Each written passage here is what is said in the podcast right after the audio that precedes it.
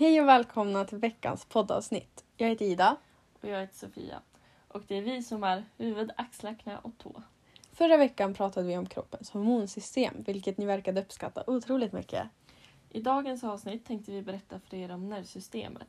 Närmare bestämt om hjärnan, dess funktion samt eventuella risker och sjukdomar.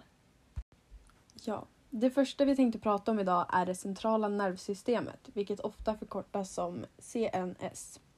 Inledningsvis består nervsystemet av hjärnan och ryggmärgen som binder sig till nerverna som i sin tur förgrenar sig ut i kroppen och skapar det perif- perifera nervsystemet. Sinnesorganen, såsom ögon och öron, tar emot signaler från omgivningen och sänder i sin tur ut elektriska impulser genom perifera nerver till CNS.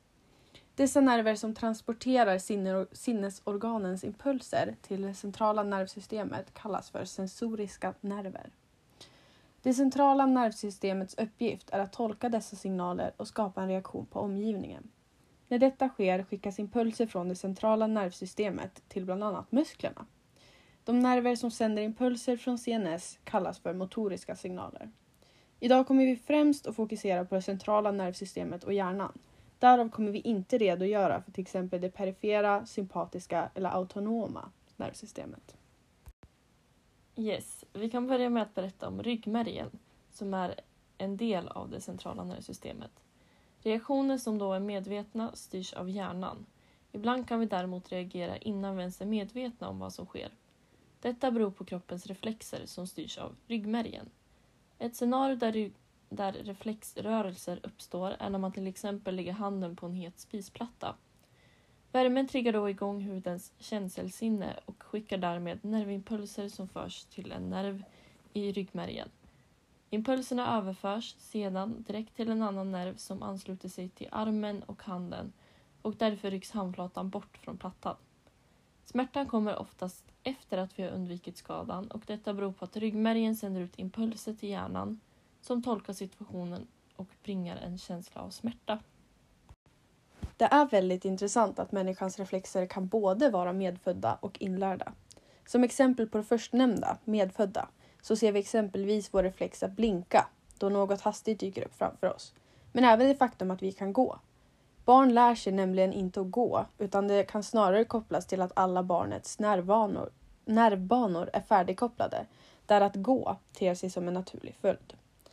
Men vi har som sagt även inlärda reflexer och till dessa kan vi ibland annat härleda vår förmåga att simma. Där vi måste lära oss att simma men att dessa rörelser sedan kommer per automatik.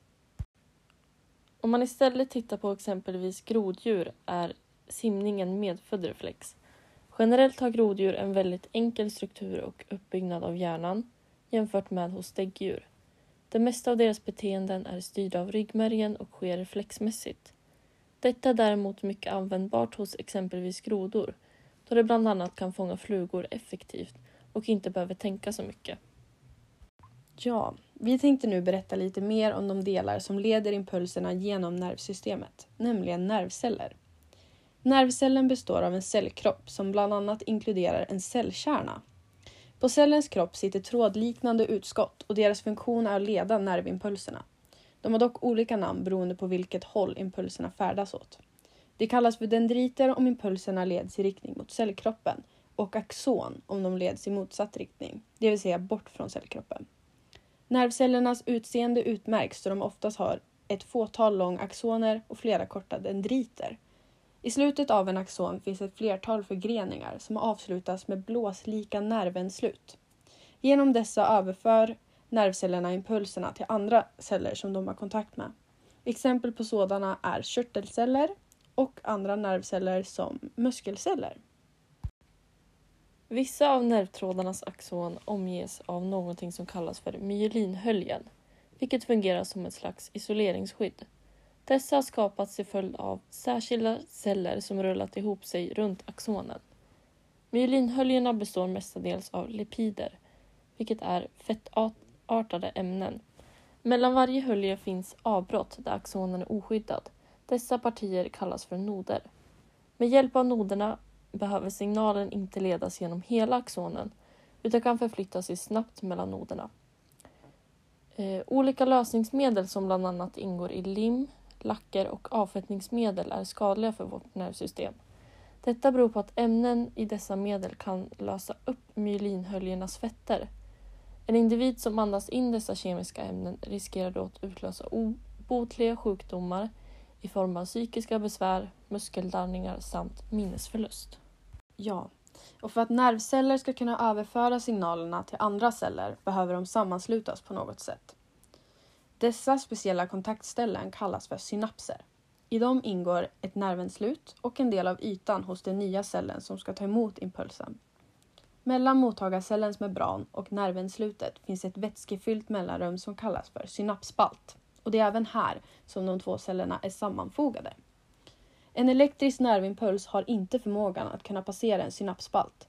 Därför överförs impulserna genom en kemisk process istället. Detta görs med hjälp av så kallade signalämnen som förvaras i små blåsor i nervensluten. Så när en impuls nått ett nervenslut tömmer denna ut signalämnen i synapsspalten. Därefter kan signalämnet bildas till passande receptorer, vilket är mottagarmolekyler som finns i mottagarcellens cellmembran. När detta har hänt utlöses receptorer ett svar hos mottagaren. Om det till exempel handlar om en muskelcell blir responsen att muskeln drar ihop sig. Är mottagaren istället en annan nervcell, då genereras en ny nervsignal i denna. Signalämnen som har tömt, tömts i en synapsspalt hinner bara vara verksamma under någon tusendel sekund innan de bryts ner till så kallade enzymer. Denna funktion är mycket viktig eftersom ifall signalämnena tillåts vara kvar hade mottagarcellerna aktiverats kontinuerligt. Detta skulle bland annat ge upphov till muskelkramper. Ja, och ett exempel på ett signalämne är dopamin som är ett av nervsystemets mest omtalade signalämnen. Nervceller som avger dopamin ingår i hjärnans så kallade belöningssystem. Det får oss att njuta av exempelvis mat, motion och sex. Vid träning avges dopamin i centra i hjärnan som genererar en lustfylld känsla.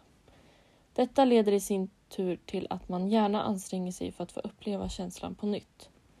Att känna motivation för aktiviteter som gynnar fortplantning och överlevnad är en framgångsrik egenskap utifrån det evolutionära perspektivet. Det finns däremot en del risker i samband med dopamin. Alkohol och narkotika kan bland annat aktivera hjärnans belöningssystem på samma sätt som till exempel mat kan. I vissa fall kan det trigga igång belöningssystemet intensivare än vad naturlig stimulans kan göra. Problemet är då att belöningssystemet anpassar sig till det som bidrar till störst frisättning av dopamin. Den anpassningen kan bland annat medföra att sammansättningen av vissa receptorer för olika signalämnen förändras. Detta kan resultera i att man prioriterar droger före allt annat eftersom det genererar denna lustfyllda känsla mest. Detta är också orsaken till att bland annat spelberoende, internetberoende och shoppingberoende utvecklas.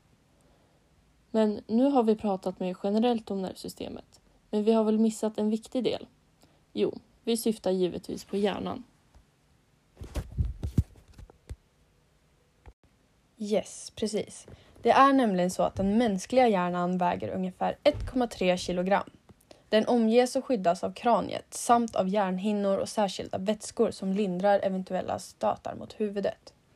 Hjärnan har en väldigt mjuk konsistens och består mestadels av olika nervceller. Hjärnan kan delas in i tre delar. Det är nämligen storhjärnan, lillhjärnan och hjärnstammen. Hjärnan är ju inte någonting som är synligt, vilket innebär att människan inte alltid vetat att den ens överhuvudtaget existerar. Därför tänkte vi nu förklara lite mer om hur man egentligen har sett på hjärnan under historien.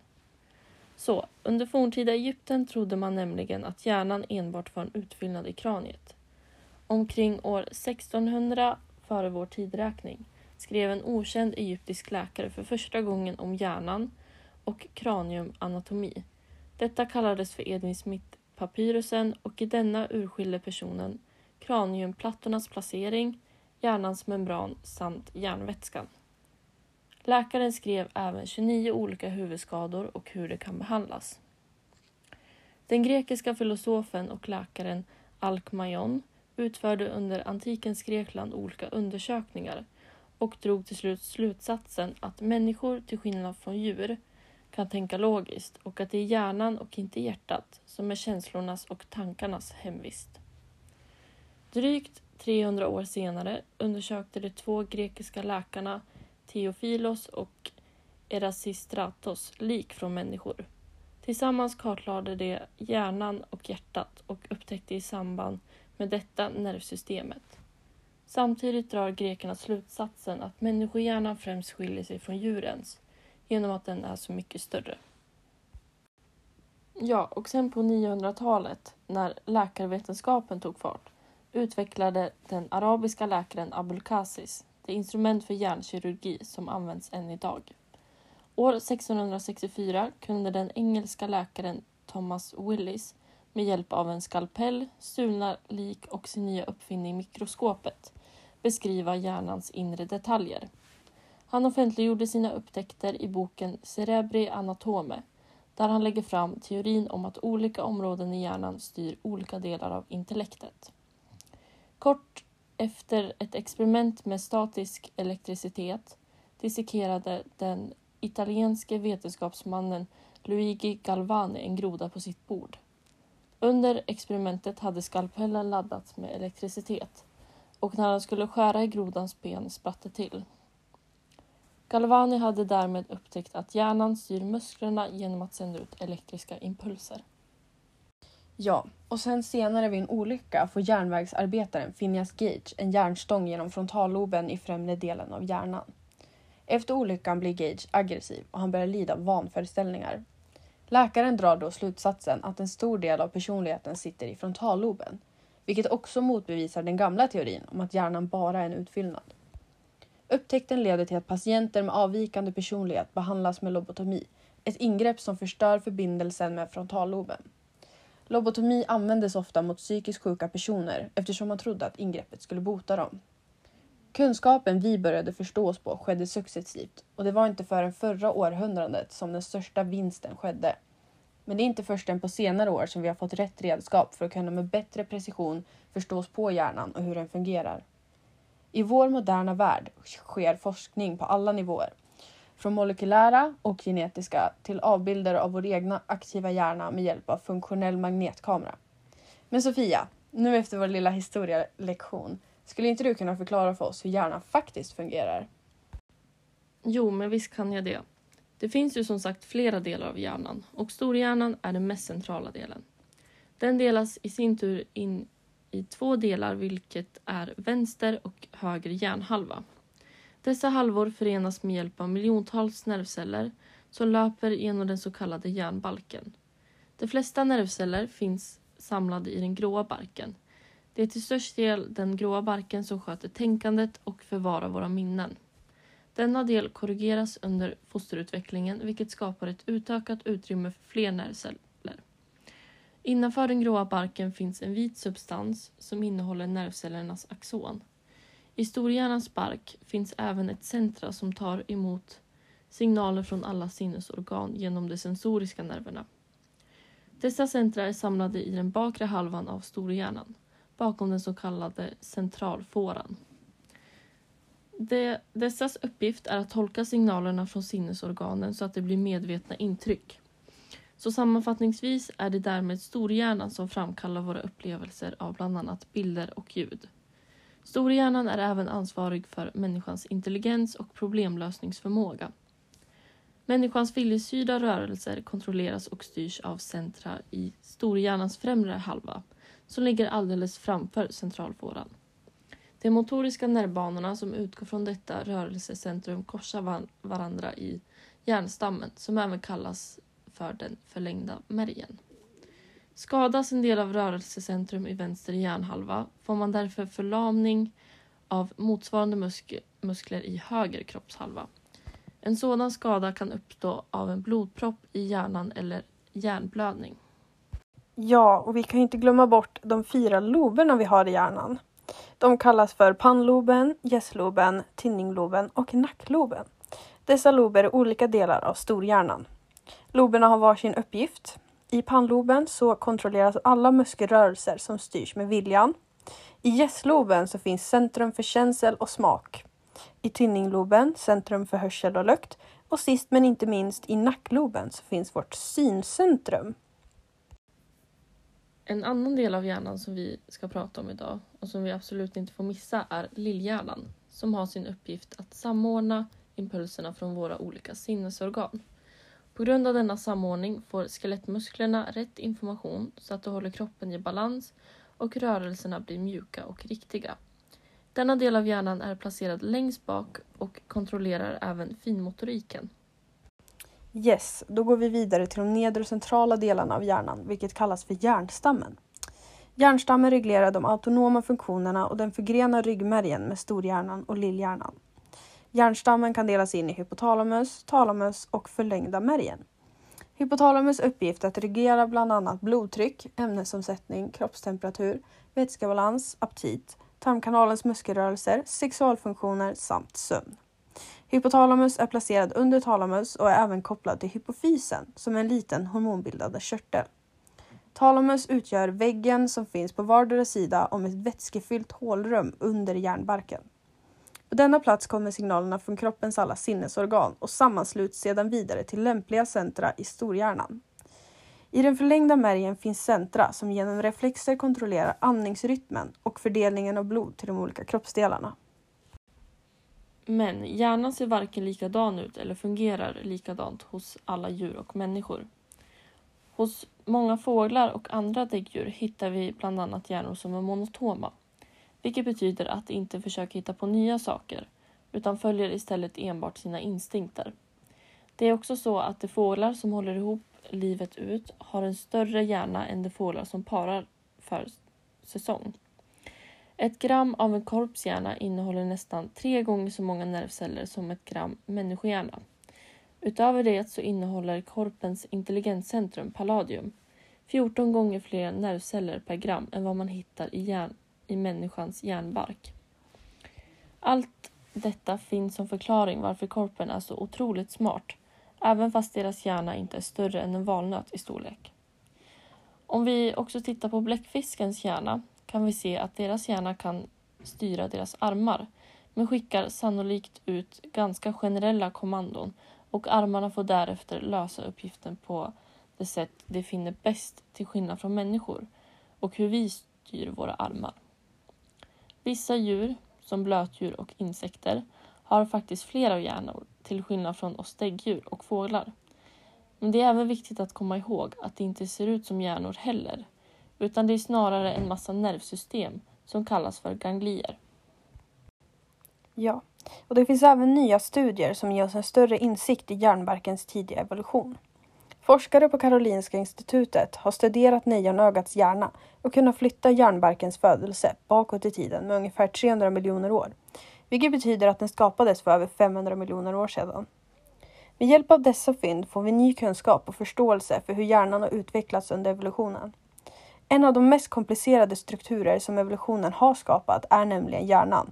Och under en lång tid har man trott att den största delen av hjärnans utveckling har skett främst hos däggdjur och att enklare djurgrupper, såsom fiskar och groddjur, saknade fungerande hjärnbark. Det yttre skiktet av hjärnan är då det vi kallar för hjärnbarken och där kontrolleras de mer komplexa funktionerna i vår hjärna, såsom våra sinnen, rörelse, språk, minne och känslor. Just nionögat, som tillhör den äldsta gruppen av nu levande ryggradsdjur, har använts under en längre tid som utgångspunkt i studier om hjärnans utveckling. Studier som forskarna har genomgått visar att nejonögat, som fanns flera hundra miljoner år före däggdjuren, redan hade en detaljerad grundplan för uppbyggnaden av hjärnbarken. De basala ganglierna och dopaminsystemet, vilket betyder att hjärnans grundplan fanns tidigare än vad vi hade trott. Denna nya upptäckt motbevisar den gamla teorin om att däggdjuren var de första arterna med en komplex hjärnstruktur. Studien visade också att nejonögat har alla huvuddelar i hjärnan som människan. Dock så har nejonögat färre nervceller i varje del. Ja, och givetvis behöver vi också hjälp med att skydda hjärnan. Och för det så finns det tre hinnor som skyddar och omger vår hjärna. Ytterst har vi hårda hjärnhinnan som är den kraftigaste. Efter det finns spindelvävshinnan, vilket har fått sitt namn då den är lika tunn som ett spindelnät. Sist men inte minst har vi mjuka hjärnhinnan som ligger innerst. Mellan spindelvävshinnan och mjuka hinnan finns det en massa nervtrådar som förenar de två hjärnhinnorna med varandra. I mellanrummet mellan dessa två finns också hjärnryggmärgsvätska och hjärnans stora artärer. Slutligen omges alla hinnor av kraniet som i sin tur är täckt av huden, som även kallas för skalpen. Ja, och trots att hjärnan omges av ett skyddande kranium samt andra vätskor och hinnor är den väldigt sårbar. Man kan bland annat drabbas av hjärnskakning om hjärnan skakas till. Det som sker då är att delar av hjärnans kroppsfunktioner kopplas bort tillfälligt så att den drabbade blir medvetslös. Slag mot hjärnan kan resultera i blödningar eller svullnader i hjärnan. Ett enda slag mot hjärnan kan orsaka död eller ett handikapp för resten av livet. Vidare står nämligen hjärnan för 20 procent av kroppens totala energiomsättning. Nervcellerna kan däremot inte lagra syre som exempelvis muskelceller har möjlighet att göra. Nervcellerna är därmed beroende av regelbunden tillförelse av syre. Annars kan hjärnan, sk hjärnan skadas på grund av att den utsätts för syrebrist. Vid syrebrist är det vanligt att man svimmar. Ja, vi hade nu tänkt att nämna sjukdomar som kan drabba hjärnan. Vi kommer både nämna sjukdomar som orsakats på grund av ärftliga faktorer, folksjukdomar samt välfärdssjukdomar som grundar sig i människors levnadsvanor. Sofia, vill du börja? Jo, vi kan ju börja med att berätta lite om utbrändhet, som även kallas för utmattningssyndrom. Och enligt en artikel från Hjärnfonden så leder kronisk stress till förändringar i hjärnan eftersom kommunikationen mellan hjärnans nervceller är viktig. När man lider av kronisk stress har forskning på djur visat att nervcellerna drar sig tillbaka, vilket i sin tur leder till en försämrad kommunikation. Den kroniska stressen har också visat sig mätbar på andra förändringar i hjärnan, som bland annat kognitiva problem hos utmattade personer. Forskare har också genomgått studier som visar att personer som lider av utmattningssyndrom har en förstorad amygdala. Amygdalan är en del i hjärnan som styr hur vi reagerar på omvärlden och om vi ska göra oss redo för kamp eller flykt. Återhämtningen för de som har haft förändringar i hjärnan kan ta väldigt lång tid eftersom nervcellerna måste skapa nya förbindelser igen. Det innebär att dessa förändringar kan ibland kvarstå ungefär ett år och ibland ännu större och mer långvariga effekter. På Hjärnfondens hemsida så finns en artikel eh, med tips på hur man kan undvika ohälsosam stress. Eh, och i artikeln nämner det hur man undviker de negativa följderna av stress. Och det tips som det gav ut är först och främst vila och återhämtning, fysisk aktivitet, socialt um, omgäng, umgänge, varva ner, försöka få en rimlig arbetsbörda, öva på att säga nej om privatlivet blir för mycket, att få att ha en god sömn och att ha rimliga krav på sig själv. Detta kan klassas som en välfärdssjukdom på grund av att den uppkommer beroende på hur stressigt liv man lever.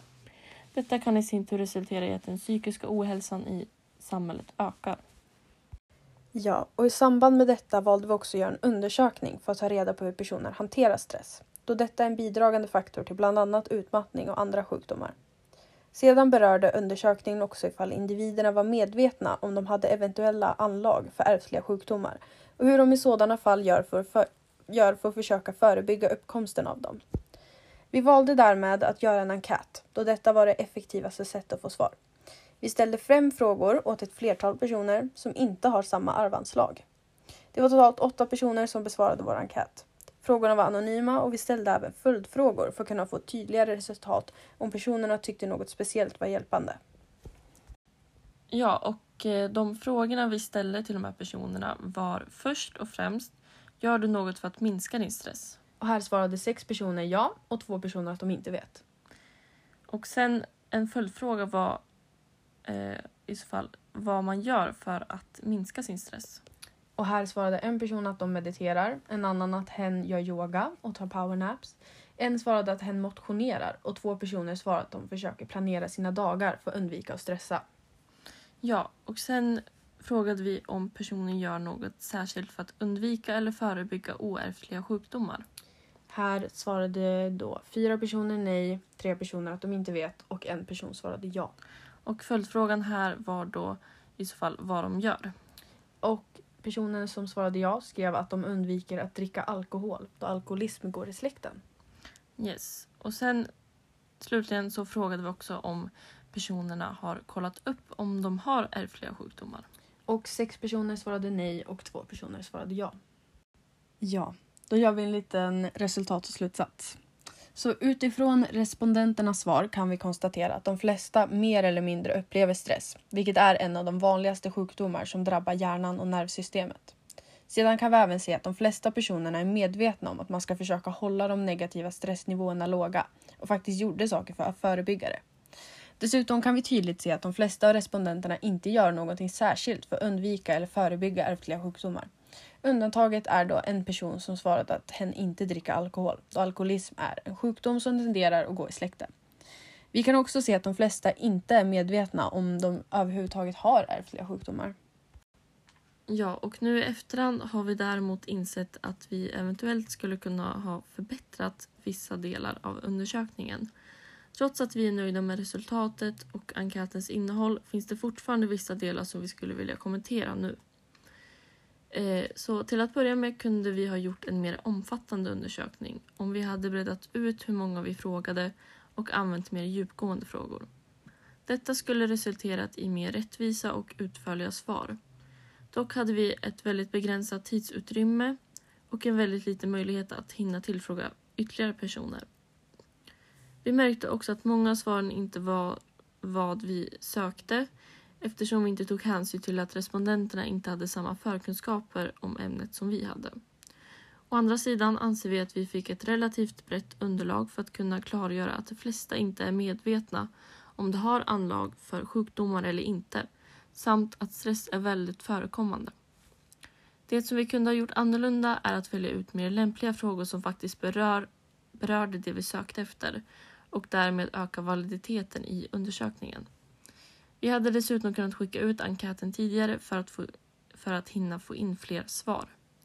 Detta är någonting som vi troligtvis kommer att tänka på i framtiden och ta hänsyn till att liknande hinder kan uppstå.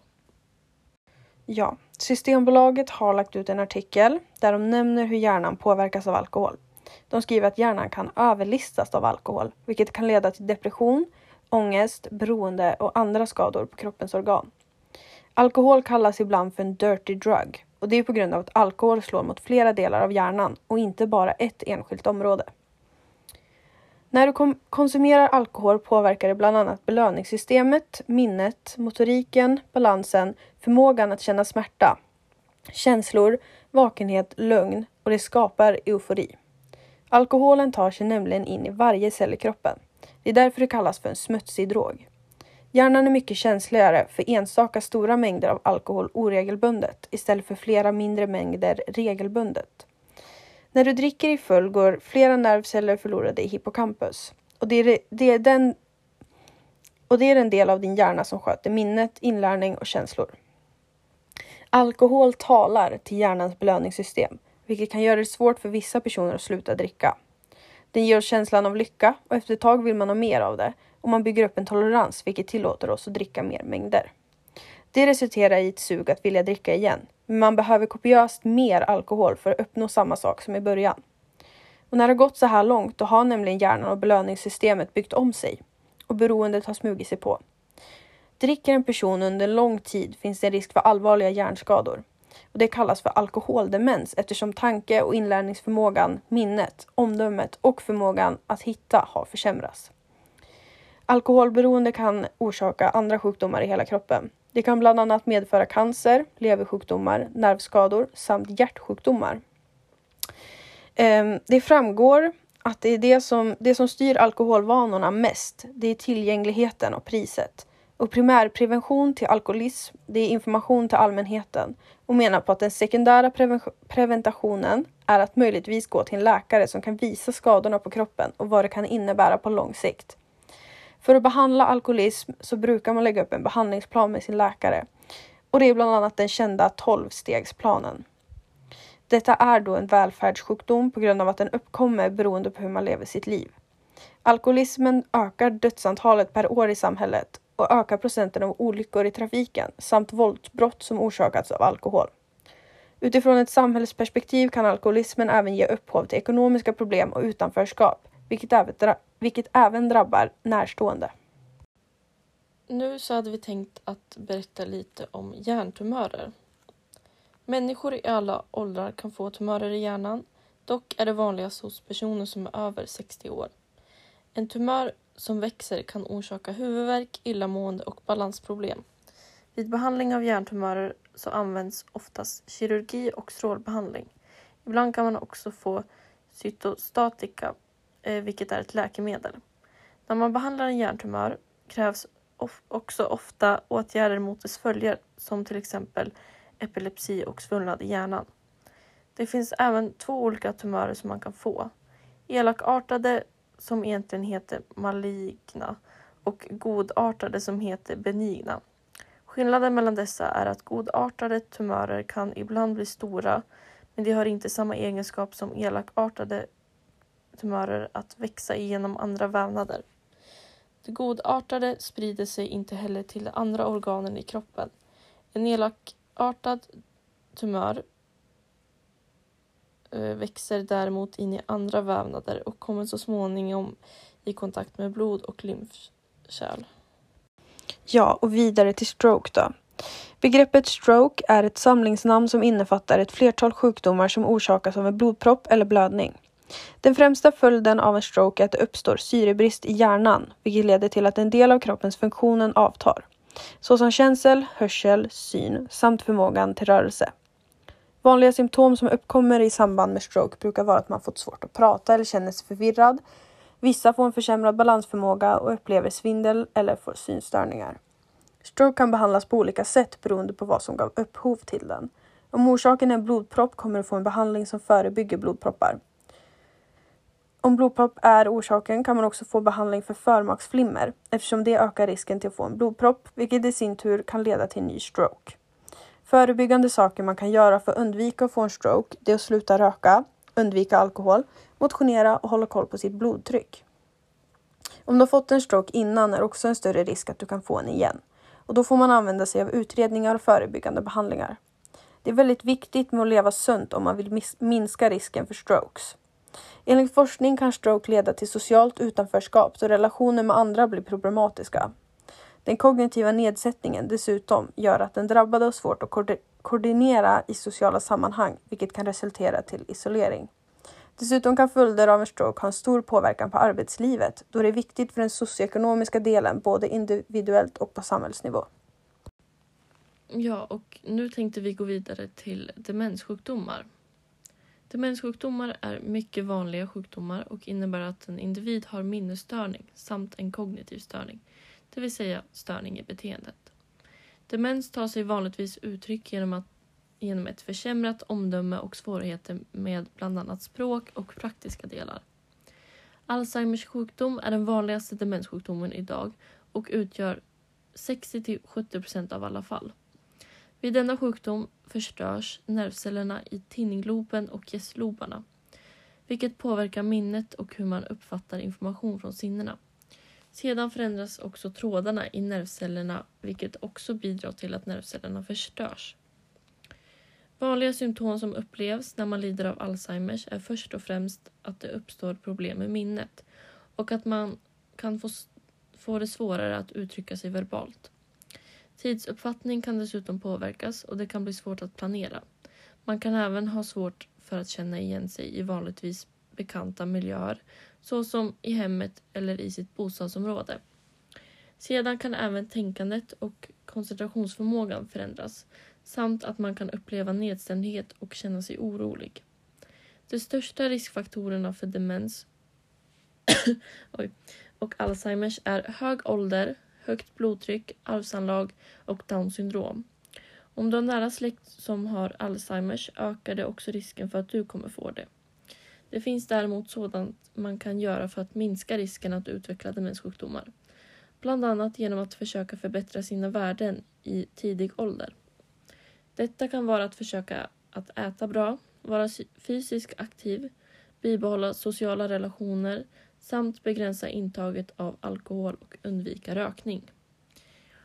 Det finns idag ingen riktig behandling som tar bort demenssjukdomar eftersom skadorna i hjärnan inte går att läka.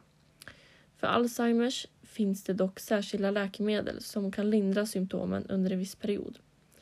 Läkemedlen har bland annat förmågan att förbättra minne och koncentration.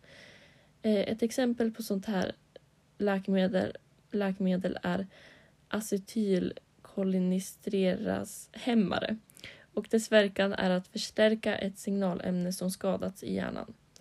I och med demens blir individen väldigt begränsad och får svårt att vara en del av samhället då vardagliga sysslor kan vara svårt att klara på egen hand. Ja, en annan sjukdom vi tänkte tala om är schizofreni. Det är klassad som en folksjukdom och tillhör gruppen psykiska sjukdomar.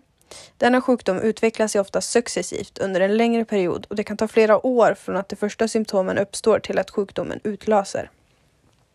De symptom som vanligtvis uppstår i samband med sjukdom är bland annat kontinuerliga hallucinationer, vanföreställningar samt en förändrad verklighetsuppfattning. Orsaken till varför en del individer drabbas av schizofreni är idag oklart, men man är medveten om att den största riskfaktorn är ärftlighet. Utöver genernas påverkan kan även ibland miljöfaktorer vara avgörande. Dessutom kan stora påfrestningar i livet ge upphov till schizofreni. Idag finns det ingen riktig behandling mot sjukdomen. Det finns däremot vissa läkemedel som kan förebygga oönskade återfall, ge den drabbade ytterligare möjligheter i livet samt minska dennes lidande. Den drabbade kan exempelvis få behandling genom antipsykotiska medel, psykoterapi samt stödsamtal. Detta sker främst för att förhindra framtida psykoser och, och få individen att hitta en livsstil som gör att personen kan hantera sjukdomen och symptomen. Ja, och eftersom vi lever i den tid som vi gör nu med en pandemi så tänkte vi att det kunde vara till fördel att ta upp lite på hur det påverkar hjärnan. Så enligt Folkhälsoguiden så kan till följd av den ekonomiska kris som uppstått nu under covid-19-pandemin öka riskerna för depression, ångest och oro. Vid depression har hjärnans signalämnen kommit i obalans vilket i sin tur påverkar sömnen, känslolivet och förmågan att ta initiativ. Ångest är en stark känsla av oro och det brukar ske att hjärtat slår snabbt, man svettas och kan få andningssvårigheter. Detta beror på att stresshormoner utsöndras i kroppen. Ja, så sammanfattningsvis kan vi understryka att nervsystemet och hjärnan är en aningen mer komplexa än vad man kan tro. Bland annat kontrollerar och hanterar hjärnan och nervsystemet alla intryck från våra sinnen, våra muskler, tankar och känslor. Utan det hade vi alltså inte tagit oss så långt som vi gör tack vare den. Det är därför det är så viktigt att ta hand om den och inte ta onödiga risker. Japp, det betyder att du borde egentligen ha hjälm när du cyklar även fast du är för gammal och cool. Som vi tidigare nämnt finns det en mängd olika risker och sjukdomar som kan drabba hjärnan, vilket kan medföra stora konsekvenser på den enskilda individen och samhället i stort. I de flesta fall kan det vara svårt att påverka detta, såsom vid fall av hjärntumörer samt när ärftliga faktorer är involverade. Men det finns fortfarande sådant man kan göra för att förhindra dessa sjukdomar och riskerna. Vi tycker att det har framgått nu när vi har suttit här att vår livsstil i många fall spelar stor roll i vår hälsa och välmående. En icke hållbar och osund livsstil kan resultera i onödiga konsekvenser. Särskilt om man redan har anlag för vissa sjukdomar såsom schizofreni och demens. Om vi tar utbrändhet som exempel. Många drabbas av det idag, vilket kan bero på att de flesta stressar väldigt mycket och ställer väldigt höga krav på sig själva. Det finns flera saker man kan göra för att ta hand om sig själv och det hjälper med att kolla upp om man har några ärftliga risker eller prata med sin doktor. Och tack vare den fantastiska kunskapen vi har idag finns det också mycket hjälp man kan få om det händer något. Och forskning för att finna alternativa behandlingsmetoder sker regelbundet. Hörni, detta var då allt vi hade att säga om hjärnan och nervsystemet. Vi hoppas att detta var lärorikt och att ni uppskattade poddavsnittet. Vi hörs igen i nästa avsnitt. Tack för oss!